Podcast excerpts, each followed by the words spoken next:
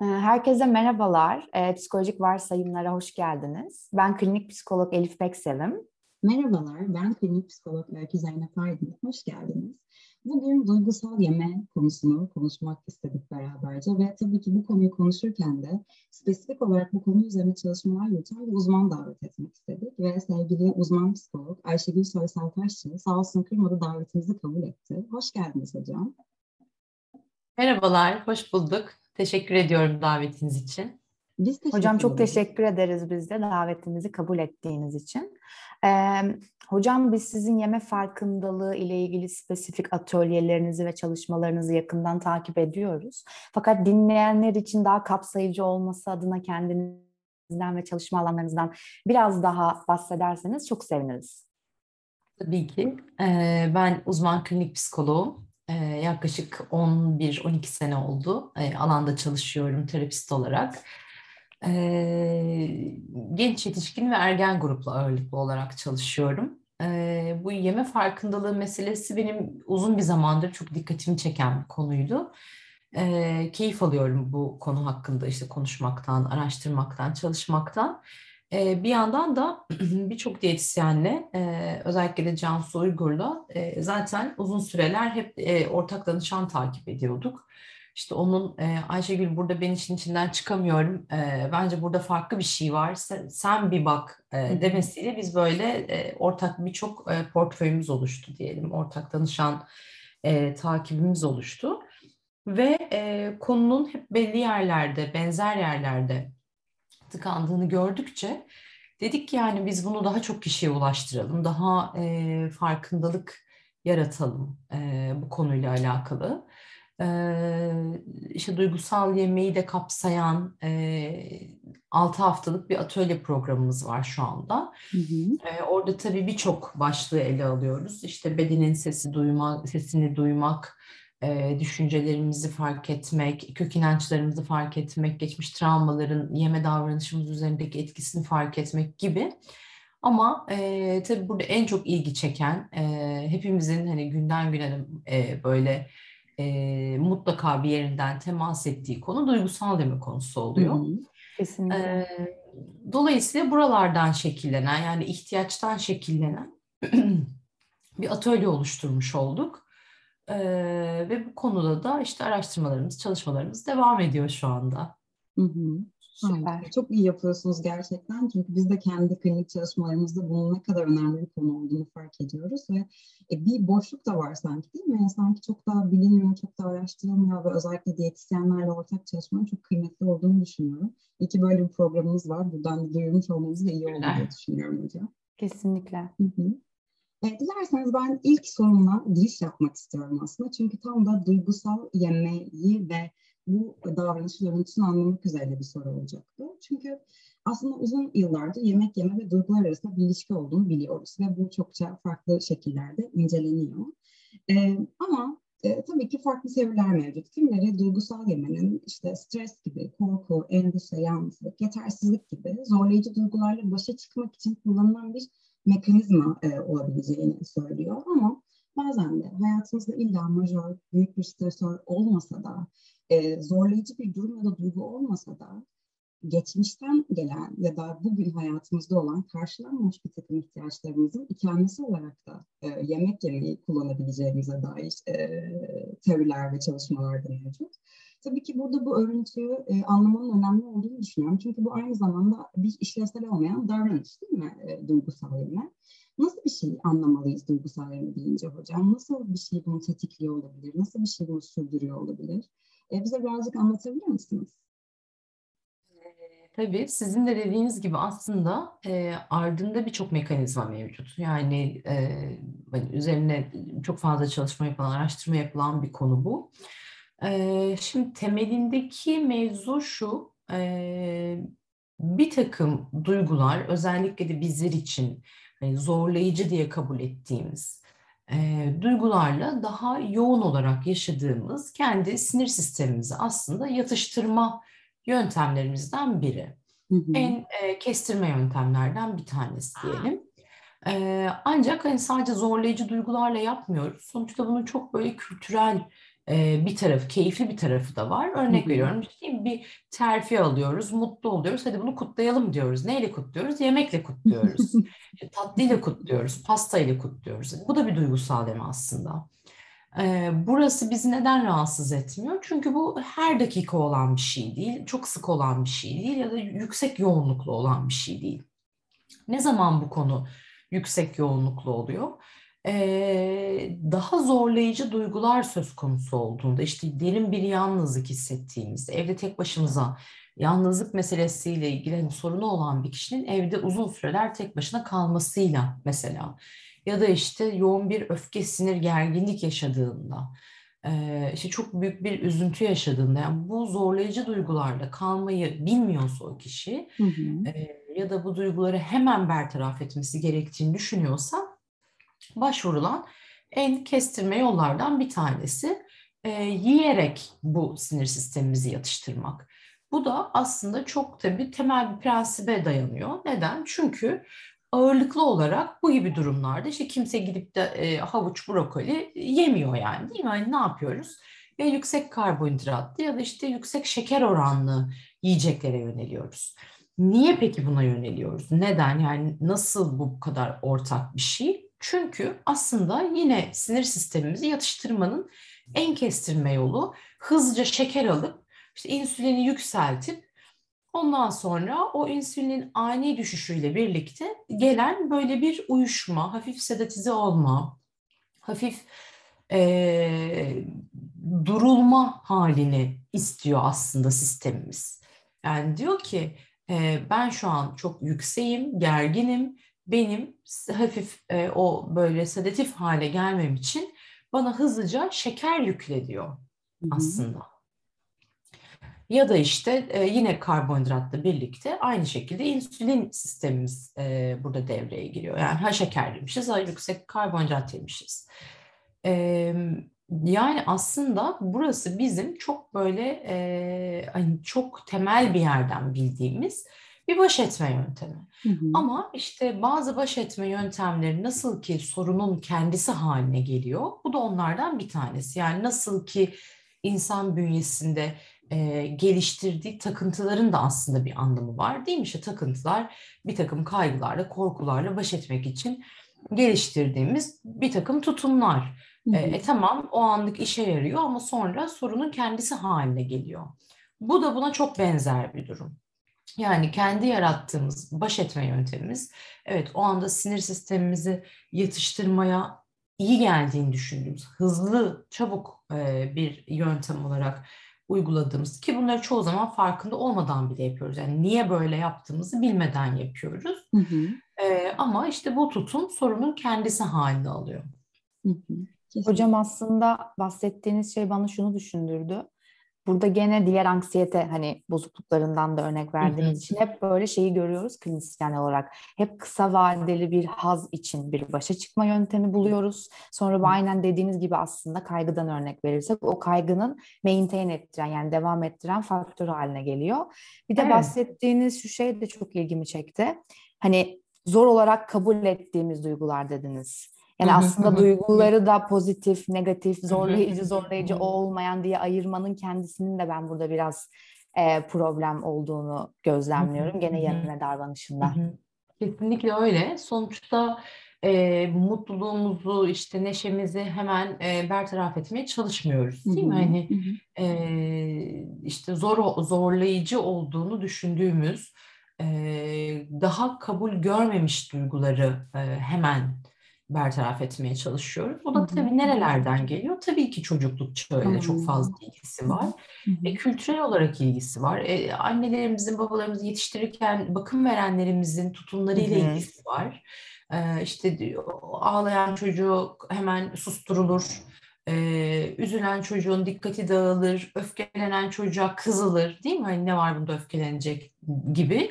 Kesinlikle, yani çoğunluk evet. bizler e, zaten o işte e, koca koca bir sürü duyguyla bir başımıza kalmış oluyoruz büyürken. Yani aslında çocukluktan gelen e, tutumlarda o duygu regülasyonunu, duygu düzenlemesini bilmediğimiz için hı hı, bunu hı. ne yapacağız? Yani beynimiz çok ekonomik çalışıyor. Ekonomi prensibiyle çalışıyor biliyorsunuz. Enerjiyi koruyor aslında. Aynen öyle. Enerjiyi koruyor. Fazla habire fikir üretmek istemiyor. Bildiği hı hı. yoldan gidiyor. Ne yapıyor o da? Bildiği yol işte en kestirme yol e, hemen hızlıca bir şeyler ye, işte e, yavaşla, dur. E, ve hani işte hissizleş diyor aslında.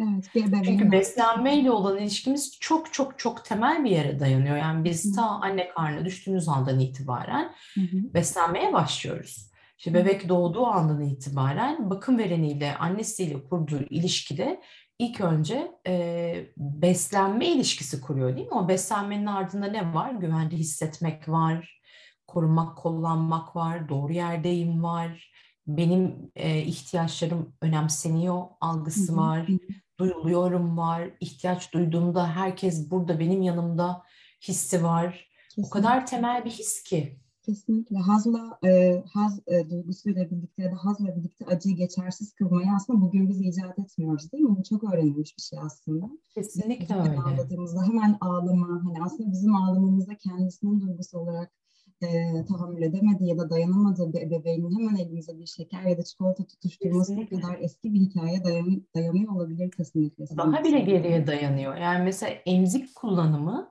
e, İngilizce emzik pacifier'dır. Yani pacifier diye geçer. Adı pacifier. Düşünebiliyor musunuz? Yani pasifize eden. Evet.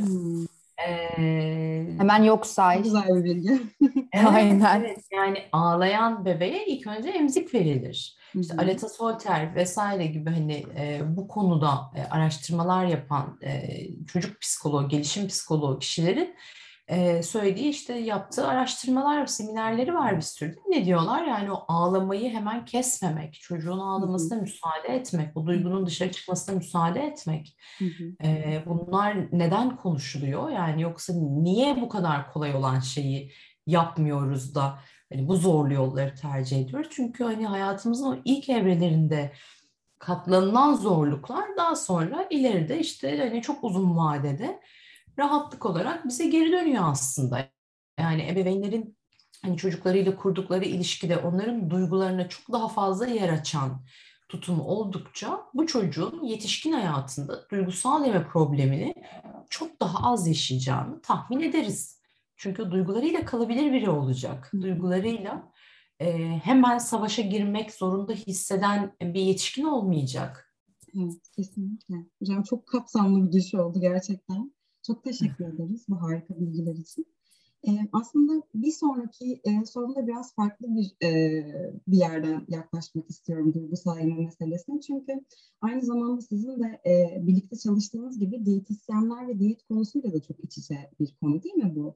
Özellikle de aşırı kısıtlayıcı e, diyetleri birazcık konuşmak istiyorum. Çünkü e, hem aşırı kısıtlayıcı diyetler uygulayan danışanlarım oldu hem de onlardan e, bu diyetleri uygulatan diyetisyen tanıdıklarım da oldu. Ee, sanıyorum artık çok tercih edilmiyor. Çünkü aşırı kısıtlayıcı diyetlerin her nasılsa paradoksal bir şekilde aşırı yemeyle sonuçlandığını da çokça görüyoruz. Yani kişi bir süre kendini aşırı kısıtlıyor, mahrum bırakıyor. Sonra çok da büyük ihtimalle mahrum bıraktığı için ve artık bu yemek bir ödül haline dönüştüğü için değil mi? Bu sefer aşırı arzulamaya başlıyor ve kendisini bu döngünün içerisine sokuyor. Sizce aşırı kısıtlayıcı diyetlerle ya da direkt aşırı kısıtlayıcı yeme davranışıyla duygusal yeme arasında bir bağlantı var mı? Varsa nasıl bir bağlantıdan bahsedebiliriz? Ee, dediğiniz gibi yani şu an halen popüler birçok kısıtlayıcı diyet e, uygulaması yapan e, birçok uzman var. E, tabii ki hani alanda e, her konuda olduğu gibi hani bu konuda da kendini çok geliştirmiş, daha farklı yerden buralara bakmaya başlamış olan e, diyetisyenler de var. Ben onlarla çalışmayı tercih ediyorum. E, o grupla. E, hani keza hani benim işte çok yakından beraber çalıştığım Cansu da zaten e, öyle bir diyetisyen. İşte belirli e, yasaklar grubunda olmayan, kısıtlayıcı diyetler e, uygulamayan, hatta bir takım moda e, yeme akımlarını da e, uygulamayan e, bir diyetisyen. Hı hı. Şimdi neden? Çünkü e, bunu hani kendi mi böyle e, icat etti ya da kendi mi böyle bir şey karar verdi? Hayır, e, günün sonunda bu konuda yapılan bir sürü araştırmalar var. E, ve artık araştırmalar da zaten ispat ediyor ki e, yasaklayıcı diyet döngüsünde olan kişilerin uzun vadede kendi bedenleriyle ilişkisi bozulduğu için e, bu alma verme işte yo-yo e, etkisi denilen e, etkinin etkiye daha çok e, açık olduklarını gösteriyor. E, işte fareler üzerinde yapılan araştırmalar var. E, bir grup fareye e, işte sadece belli tip yiyecek veriliyor ve bir gruba serbest bırakılıyor. Serbest bırakılan grup zaten gidip kendi seçtiğini alıp yiyor ve fazla yeme davranışı göstermiyor. Belirli tip yemekle sadece sınırlandırılmış olan grubu daha sonra serbest gruba dahil ettiklerinde onların e, o serbest yiyecekleri çok daha fazla tükettikleri gözlenmiş. İnsanlar için de bu böyle. Neden? Aslında insan psikolojisinde çok basit bir işleyiş vardır. O da yasak olan her zaman caziptir değil mi? Yani hepimiz için böyle. Şimdi ben size desem ki şunu asla düşünmeyin. Hani bu e, podcast boyunca bunu düşüneceksiniz. Ya da şunu asla bugün yem, yemeyin, bunu yememeye çalışın. Hayatınızda şunu mutlaka eleyin desem o zihninize daha farklı bir yere oturacak. Ya da ne yapacaksınız işte? Ne de olsa ben diyete başlıyorum diye bir gün öncesinde tıkınırcasına yiyeceksiniz. İşte belki bir paket yiyeceğinize beş paket yiyeceksiniz. Çünkü e, depolama ihtiyacına gireceksiniz. Çok ilkel bir yerden elimizden giden evet. şeyi depolamaya çalışıyoruz. Değil mi? İşte pandemi oldu marketler yağmalandı. Niye? Gelmeyecek zannediyoruz. E, e, milletin evinde 100 adet tuvalet kağıdı vardı. Yani ne kadar hmm. kullanabilirsin ki? Çünkü çok basit bir yerden buraya yöneliyoruz, depolamaya yöneliyoruz. Gidecek olanı, e, gelmeyecek olanı depolamaya yöneliyoruz. Bu aslında biz bunu her yerde yapıyoruz. Yani kaygılı bağlanma da budur zaten. Ee, sevgiyi depolamaya çalışırız değil mi? Çünkü var ama yok ama var ama şu an gidebilir. Var ama gidebilir hisseden bir çocuk ne yapar? Yapışır annesine. Çünkü o alabildiği anda onu maksimum almak ister. Yani bir var bir yok, bir var bir yok davranıldığında bizim sistemimiz buna uygun değil. E, buralar hep bizde o kaygılı yapıyı tetikleyen yerler oluyor. Aslında işte bu şu an moda olan isimler, işte sezgisel yemedir, mindful yemedir, e, işte kendi e, bedenini takip ederek yemedir vesaire bize ne söylüyor? Diyor ki yani e, güvenli bir bağ kurabilirsin yiyecekle. Sorun yok yiyecek orada diyor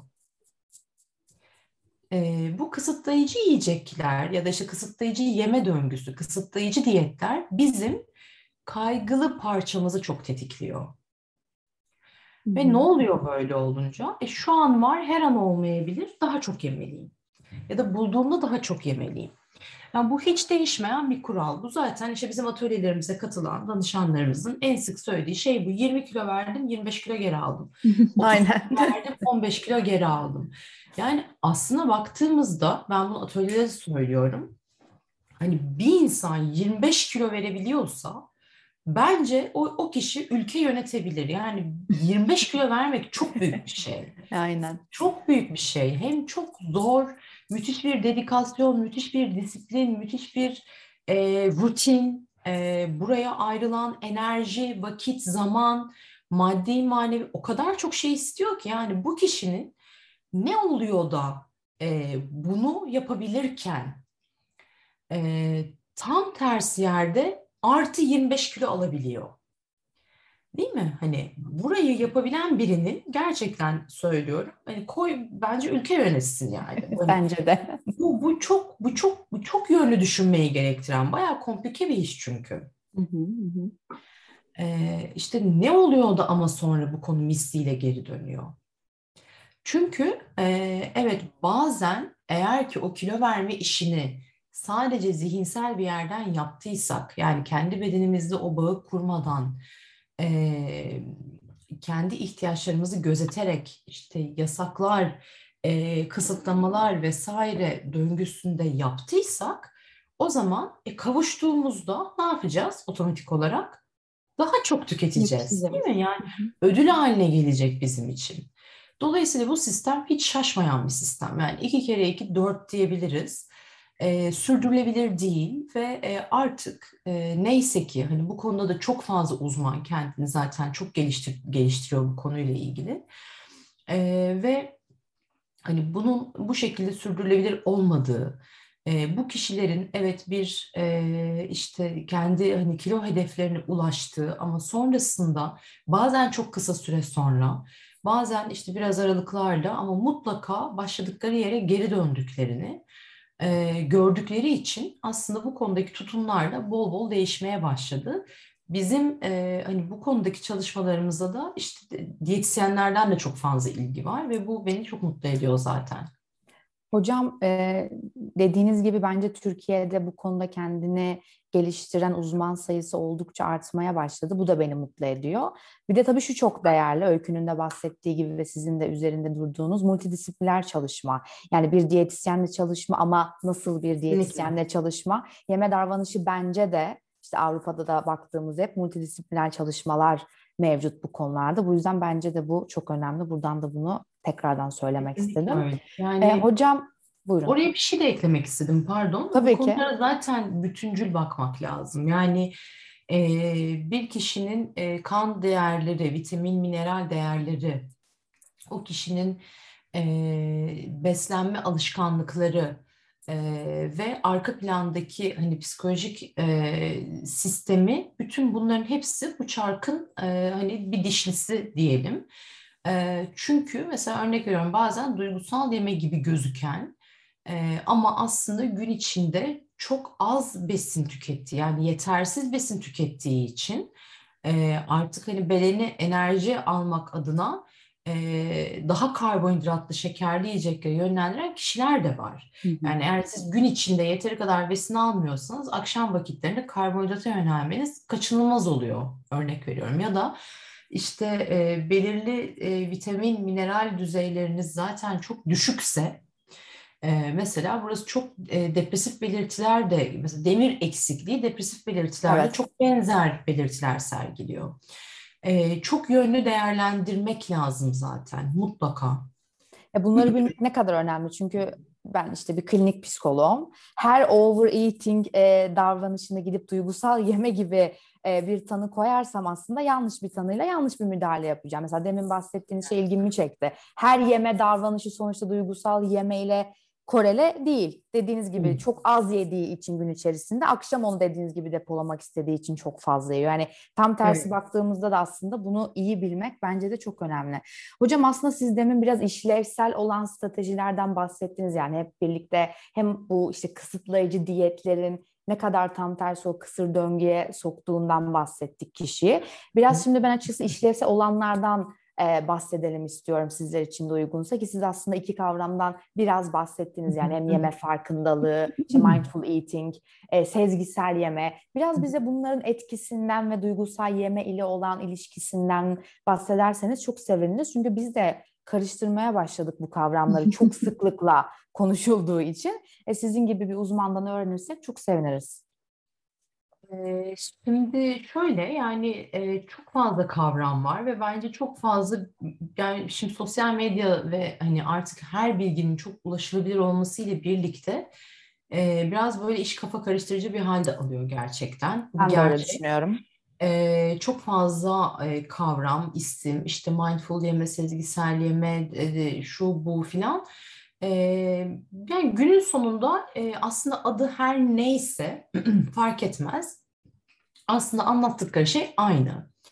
Ee, neyi anlatıyor? Değil mi? Diyor ki yani bedenini dinlemen gerekiyor diyor. Zaten bedenin sana yol gösteriyor. Susadıysan bedeninin verdiği sinyalleri ama o sinyalleri doğru yordayacak kadar da gözlemine ihtiyaç var. Yani sen kendi susama sinyallerini tanıman lazım diyor.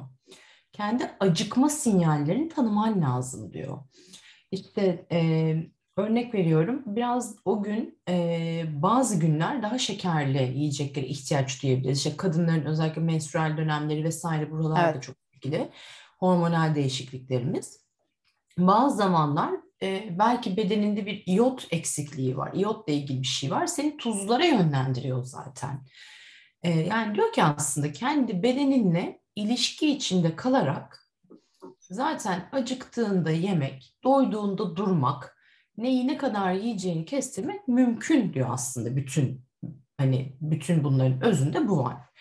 Ee, işte farkında yemede e, biraz daha o mindful egzersizleri değil mi? İşte bir lokmayı ağzına al, bir tadına hisset, tadına bak. İşte oradaki bütün e, tatları bir ayrıştır. O duyumsama daha duyular üzerinde duran da bir e, bir takım egzersizler öneriyor. Tabii ki bunların hiçbiri hani her an her e, saniye yapılır şeyler değil. Bunlar egzersiz gibi takviye olarak yapılabilir şeyler. Ama işte hikayenin zaten dönüp dolaşıp hani kilitlendiği yer şu. E, çoğu insan kendi bedenini hissetmiyor. E, duygusunu hissetmiyor. Yani bedeniyle e, duyguları, hisleri, düşünceleri arasında bağ olduğunun farkında değil. E, o yüzden hani ta sıfırdan ben mesela buralarda işte mindful eating e, egzersizlerini falan çok önemsiyorum. Yani ta sıfırdan bedenle bağ kurmayı hı hı. ilk önce bir geliştirmek gerekiyor. Ha, tabii ki hani bedeniyle bağı bir insanın neden bu kadar kopuyor? İşte çoğunlukla gelişimsel travma oluyor bunun arkasında. Yani bu gelişimsel travmalara değinmeden e, o bedenini hissetmenin aslında güvenli bir yer olabileceğini e, keşfetmeden kişi e, zaten işte e, açlığını, tokluğunu, susuzluğunu ya da bedensel ihtiyaçlarını duymayı geliştiremiyor ki zaten. Çünkü burasını belki de bedeni hissetmek onun için tehlikeli olmuş küçükken ya da baş edilemez olmuş ve bir zaman sonra arasındaki bu ilişkiyi koparmış kişi. O yüzden hani e, her ne olursa olsun yani hangi e, uygulama moda olursa olsun özünde hikayede kendimizle olan bağımız yatıyor. Kendi duygularımızla olan ilişkimiz, bedenimizle olan ilişkimiz ve eğer bu ilişkiyi e, takip edemiyorsak yani buradaki o bağı hissedemiyorsak o zaman bunun arka planındaki nedenleri ele almak gerekiyor. Buralar hallolmadan yani buralardaki bu ilişki kurulmadan e, diğer taraflara zaten hani toparlamak e, çok daha zor. Çünkü mesela bazen e, bazı insanlar için e, aç hissetmek e, çok tetikleyici bir şey oluyor. Yani e, o kadar tetikleyici bir şey oluyor ki hani o kişiler aç hissetmemek üzere kuruyor bütün baş etme mekanizmalarını. E, ya da bazı kişiler için e, mesela hani rahat hissetmek, keyifli hissetmek çok tetikleyici oluyor. O yüzden rahat hissedeceği bir noktada bırakamıyor yemeği. Ya patlayana kadar yiyor ve rahatsızlık hissiyle uğraşıyor. Çünkü onu tanıyor. Evet. Ya da aç bırakıyor kendisini gibi. Ee, hani buralar tabii ki hani biraz daha e, ekstrem örnekler ama yani çok karşılaşılan şeyler. Sonuçta travma kendi birçok konuda gösterebilir. Birçok şekilde gösterebilir. O yüzden hani uygulamaların adı her ne olursa olsun fark etmez. Temelde amacımız kendi bedenimizi tanıyarak e, yasaklar, kısıtlamalar vesaireden uzaklaşarak yani düşünsel bir yerden uzaklaşarak kendi bedenimizle bağ içinde olarak ve duygularımızla bağ içinde olarak ve beslenme ihtiyaçlarımızı gözeterek e, bir ilişki içinde kalmak, kendimizle bir ilişki içinde kalmak. Şunu duymak çok iyi geldi. Çünkü Türkiye'de benim çok hoşuma gitmeyen bir şey olduğu için nacizane söylemek istiyorum. Hani dediniz ya hocam kavram ne olursa olsun yani özünde bizim amacımız bu aslında duygusal yemeği azaltma yolunda. Yani bunun adının mindful eating olması, sezgisel yeme olması, o bu şu olması. Yani Türkiye'de biraz fazla takıldığını insanların buna gözlemlediğim için söylüyorum. Bence aslında bunlara e, bu kadar takılmak yerine özünde neye ihtiyacımız olduğunu dinleyicilerimize ulaştırdıysak ben nacizane çok mutlu olurum. Yani kişinin bedeniyle ve duygularıyla temas etmesinin ne kadar önemli olduğunu ben bu podcast'te çok daha iyi anladığımı Kesinlikle. söylemek isterim. Çünkü kendimde de çok gözlemliyorum. Ben de bedenimi dinlemediğimde o işte overeating ya da binge eating dediğimiz o episodlara çok sık gördüğümü gözlemliyorum. O yüzden bence insanın tetikleyicilerini bilmesi de burada e, çok değerli diye düşünüyorum. Bir de bu duygularla baş etme kelimesini de belki kaldırmamız lazım. Hani baş etme deyince çünkü hemen bir şey yapmam gerektiğine dair bir fikir evet. alıyorum. Hani Hı-hı. orada kalmak hani hani kop boş etme belki. kelimesini aynen kalmak, kullanmak yerine düzenlemek, yeniden düzenlemek. Düzenlemek en e, uygunu aslında. Hı-hı. Ama e, yani duygu düzenleme dediğimiz şey de zaten o beden bağını, bedenle ilişkiyi e, bunun içinde güvende hissetmeyi gerektiren şeyler. Kesinlikle. Yani buralar biraz çalışma isteyen, biraz e, evet. insanın kendisiyle böyle e, hemhal olmasını isteyen yerler. Ama hani bir insan sonuçta değil mi ömür boyu en çok kendimizle beraberiz. Kılavuz, ee, kendimiz burada aslında. Evet, yani kendimize bu yatırımı yapmayacağız da nereye yapacağız? Kesinlikle, kesinlikle. Harika bir sohbet oldu gerçekten Ayşegül Hocam. Çok çok, çok teşekkür, teşekkür ederim size. Harika bir Hocam çok keyifli bir sohbetti gerçekten. Ee, çok teşekkür ederiz. Bu değerli bilgiler Teşekkür ederim. Güzel sorularınız için. Benim için de çok keyifliydi. Teşekkür ediyorum. Çok teşekkürler. Umarım Biz de çok teşekkür ederiz hocam. Ee, bir sonraki bölümde tekrar görüşmek üzere. Kendinize çok çok iyi bakın. Hoşçakalın. Çok iyi bakın kendinize. Hoşçakalın.